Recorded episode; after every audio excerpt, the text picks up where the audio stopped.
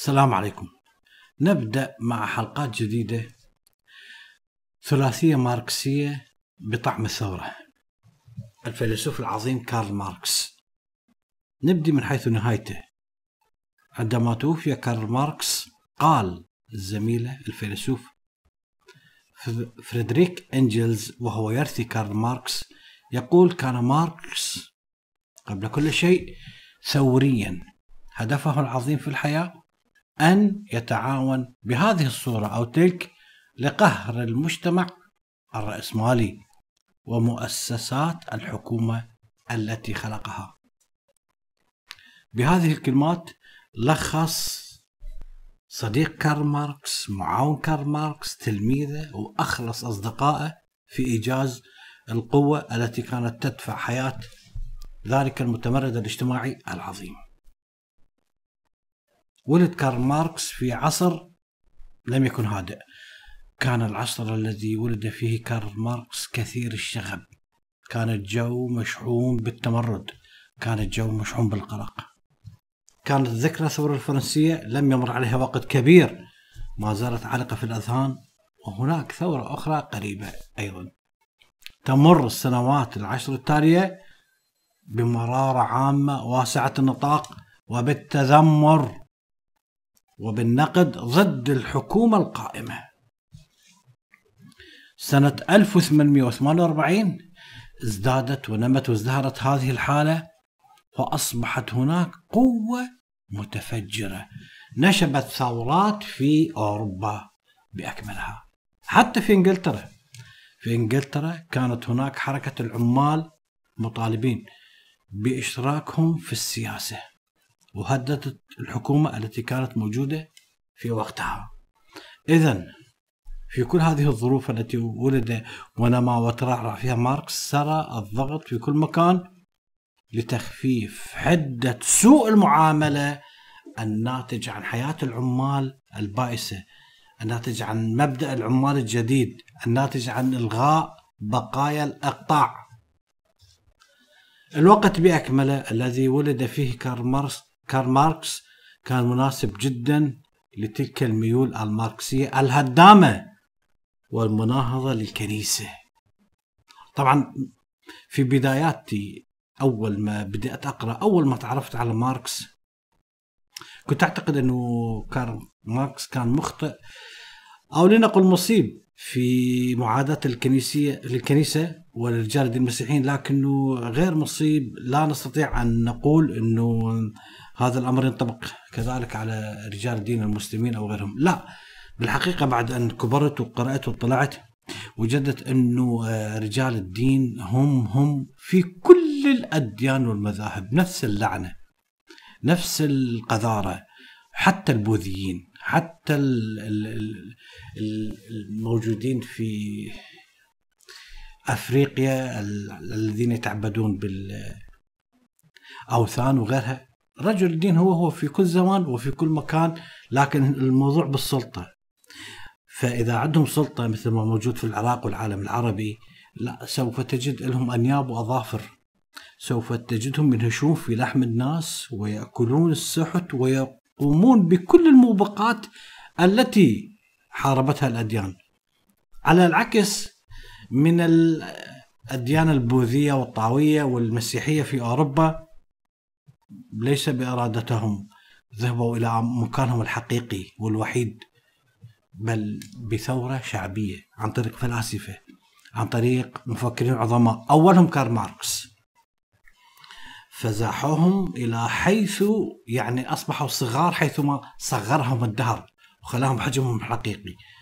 أما في عالمنا العربي والإسلامي لا زالوا يملكون أنياب وأظافر لا زالوا ينهشون في لحم الشعب البائس. لا زالوا يتملقون ويطبلون للحكام.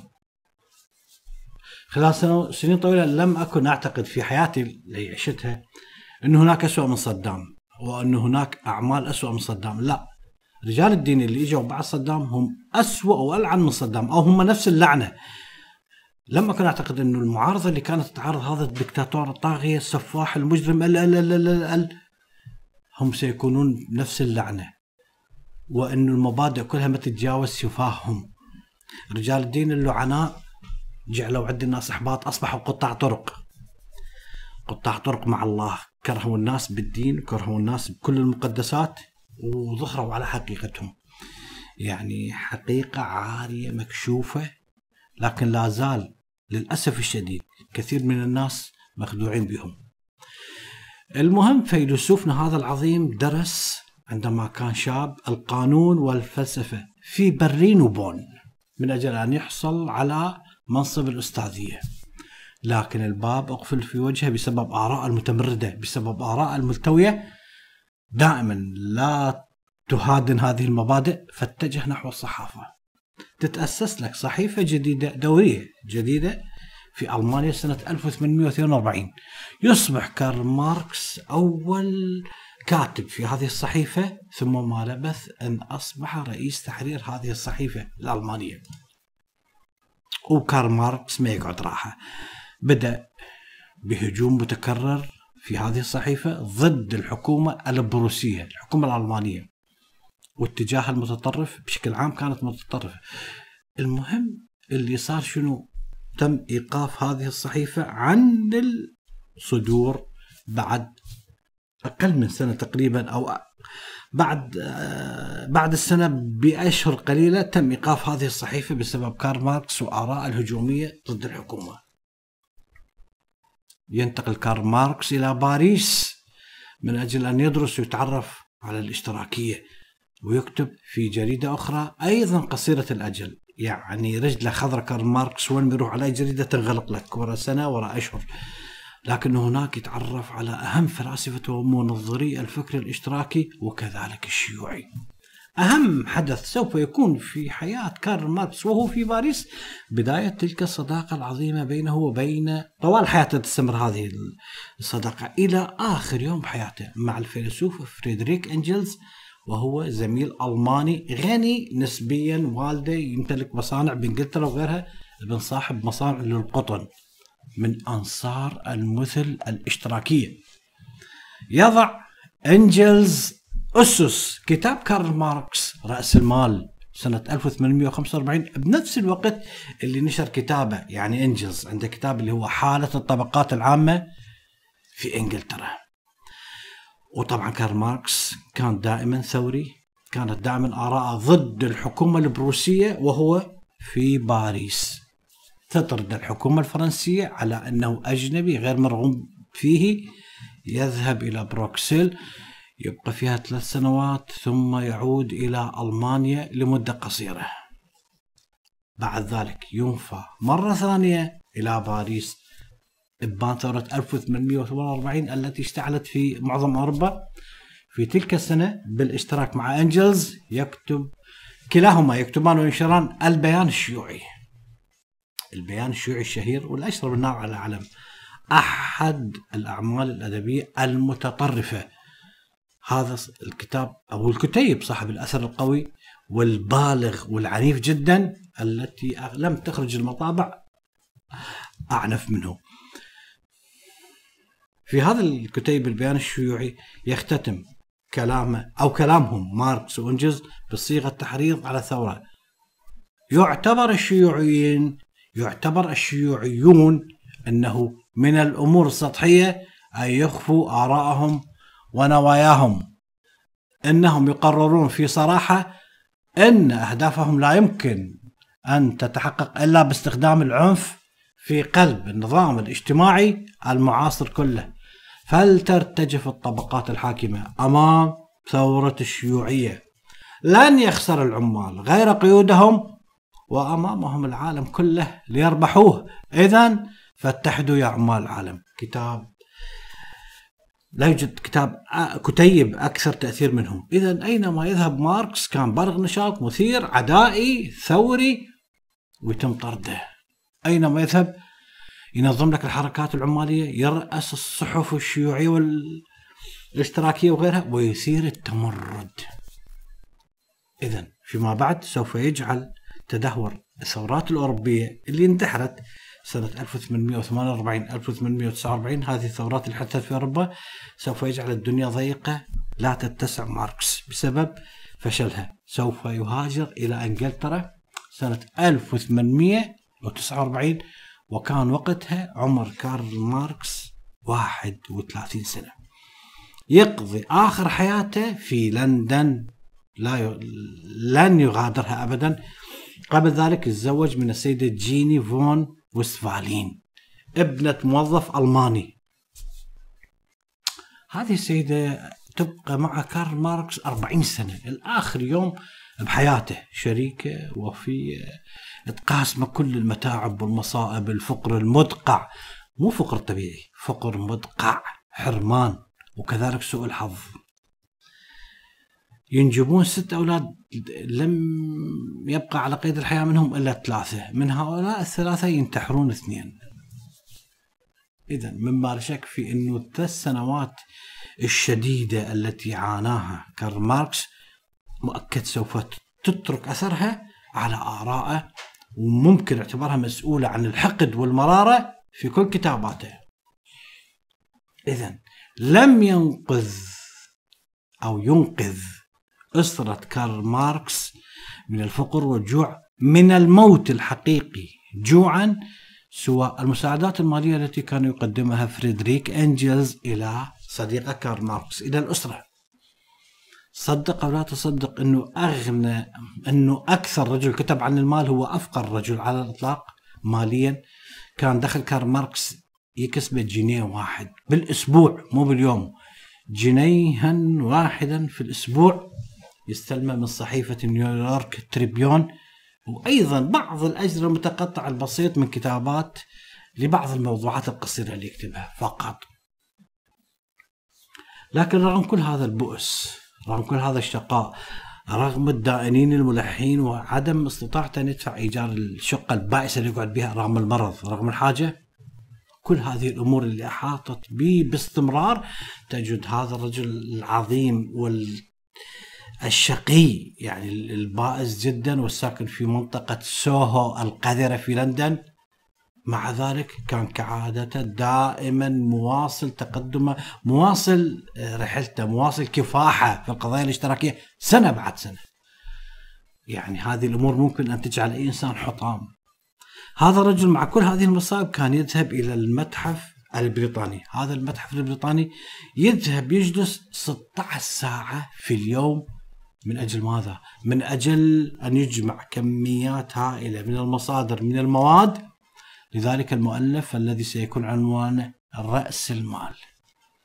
وإذا نترك جانبا حساب الفترات اللي تعطل بها عن التأليف بسبب الأعمال الأخرى بسبب المرض استغرق هذا الكتاب من حياة كارل ماركس 18 سنة.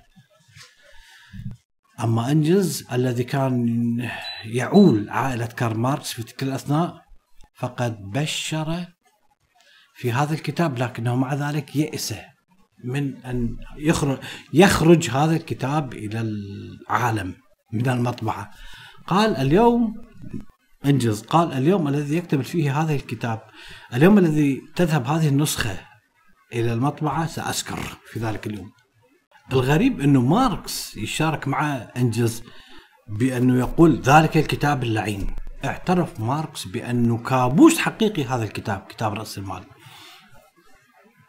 اذا كان أعظم حدث في حياة كارل ماركس خلال هذه السنين هو تأسيس أول جمعية عمالية دولية للعمال الرجال سنة 1864 اللي يكتبون عنها الآن يسموها الدولية الأولى. إذا نحن الآن أمام تأسيس جمعية الدولية الأولى اللي تهتم بالعمال. يعني تضم لك عمال العالم طبقات العاملة في العالم بأكمله في جمعية دولية واحدة. رغم إنه ماركس كان متقاعد يعني ليس له علاقة ظاهرية بهذه الجمعية الدولية إلا أنه كان المحرك الحقيقي القوة المحركة وراء العرش لهذه الجمعيه كان يكتب معظم مستندات الجمعية كان يكتب معظم عناوينها كان يحدد برامجها ولوائحها. لكن مع ذلك هناك مشاكل طبعا داخلية. العراك الداخلي المنافسة على الرئاسة النزاع الذي وقع بين أعضاء الجمعية نفسها بعد فشل كومونة باريس أو تمرد باريس سنة 1871 كانت كل هذه أدت إلى تنحل الجمعية وتنتهي. بعد ذلك سوف تكون هناك جمعية ثانية جمعية دولية ثانية تمثل لك فقط الج- الجماعات العمالية الاشتراكية الغربية فقط. ثم تتكون الجمعية دولية ثالثة للعالم الشيوعي. أخيرا انتهت مدة تأليف كتاب رأس المال. أواخر سنة 1866 ذهبت النسخة إلى المطبعة وخرجت في هامبورغ هذا الكلام. في أوائل السنة التالية خرج هذا الكتاب المطبوع باللغة الألمانية. لم تكن هناك ترجمة إنجليزية لكتاب رأس المال إلا بعد عشرين سنة. أول ترجمة غير ألمانية إلى لغة أخرى هي اللغة الروسية سنة 1872 كارل ماركس عندما ألف رأس المال وبشكل عام ثورته وتمرده كان الهدف من كل بالتحديد رأس المال هو مهاجمة النظام الرأسمالي في إنجلترا. كان النظام الرأسمالي العمود الفقري عمود الفقري لهذا النظام الرأسمالي هو في إنجلترا. إذا كل الأمثلة التي سوف يضربها في رأس المال موظ... اللي كتبها في رأس المال هي من نقصد بها لكل النظريات الاقتصادية. كلها من. من إنجلترا وإحنا نعرف الآن نقطة مهمة. إنه الرأسمالية الآن تختلف عن الرأسمالية بعد ماركس. في إنجلترا وفي جميع العالم.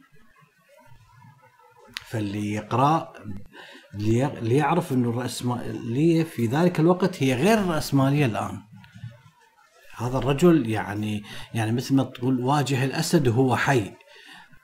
هناك من يأتون على أسد ميت ويصبحون أبطال. لا لم يكن أحد يجرأ أن يشير بإصبعه. إلى النظام الرأسمالي كارل ماركس. كان هو أحد الأسباب التي أدت إلى تصبح الرأسمالية في وضعها الحالي. كثير من الأمور الماركسية أخذ منها النظام الرأسمالي على العكس من الشيوعية البائسة الدول الشيوعية بالاتحاد السوفيتي والصين وفنزويلا وغيرها وكوبا. إذا كل الأمثلة كما ذكرنا الموجودة الاقتصادية هي من المملكة المتحدة يضرب بها والحقيقة أنه الأمثلة التي كانت في الم- في المملكة المتحدة الحياة اللي كانوا يعيشون بها العمال مروعة رهيبة ليس لها مثيل لربما ما حد يصدقها. النظام الرأسمالي في العصر الفكتوري اللي كان موجود به وعاش ماركس كان في حالة ليس لها مثيل على الإطلاق. كانت الأحوال الاجتماعية بائسة جدا بين عمال المصانع تعجز به عن الوصف. إذا في كل تلك المأساة والبؤس بنى كارل ماركس أبحاثه بالضبط على التقارير الرسمية لمفتشي الحكومة اللي كانوا يقولون هاي المآسي الموجودة في بلدنا. فقدم حقائق عظيمة في كتاب رأس المال. من ضمنها صدق ولا تصدق أنه حسب ما يقول قامت السيدات بجر القوارب في الترع بالحبال المربوطة في أكتافهن طوال الطريق. هذا في إنجلترا في العصر الفكتوري ربطت السيدات إلى العربات كما تربط دواب الحمل. لنقل الفحم إلى خارج المناجم البريطانية. أما الأطفال كانوا يعملون في مصانع النسيج عندما يبلغ تسع سنوات أو عشر سنوات من عمره ولمدة 15 ساعة في اليوم. وعندما جاءت أعمال أدوار العمل بالليل يعني أصبح عمل صباحي وعمل ليلي. كانت الأسرة التي ينام فيها الأطفال دائما دافئة لا تبرد على الإطلاق لأن كانت تستعمل بالدور. يذهب هذا الطفل إلى العمل فيصحي الطفل النائم ينام يأتي الطفل الآخر وهكذا. ينتشر السل؟ نعم. السل سوف ينشب أظافره في تلك المجتمعات في أماكن مختلفة مزدحمة. ليست فيها أبسط معاني الإنسانية أبدا. والحقيقة أنه هؤلاء رجال الدين اللي يباركون للطواغيت وهؤلاء رجال الدين اللي يطبلون لكل ظالم أين هم من هذه المآسي اللي تحدث؟ سواء حاليا في مجتمعاتنا أو حتى في عهد كارل ماركس من هذا البؤس. أبدا لن تجد رجل دين ممكن أن نقد بسيط بل يحاول أن يعيش نغنغة مرتاح. ليس له علاقة فقط بالكتب التي يلوكها بدون أن يقصدها الكتب المقدسة بالنسبة له فلاحظ هذا الرجل العظيم الذي وقف ضد كل هذا البؤس؟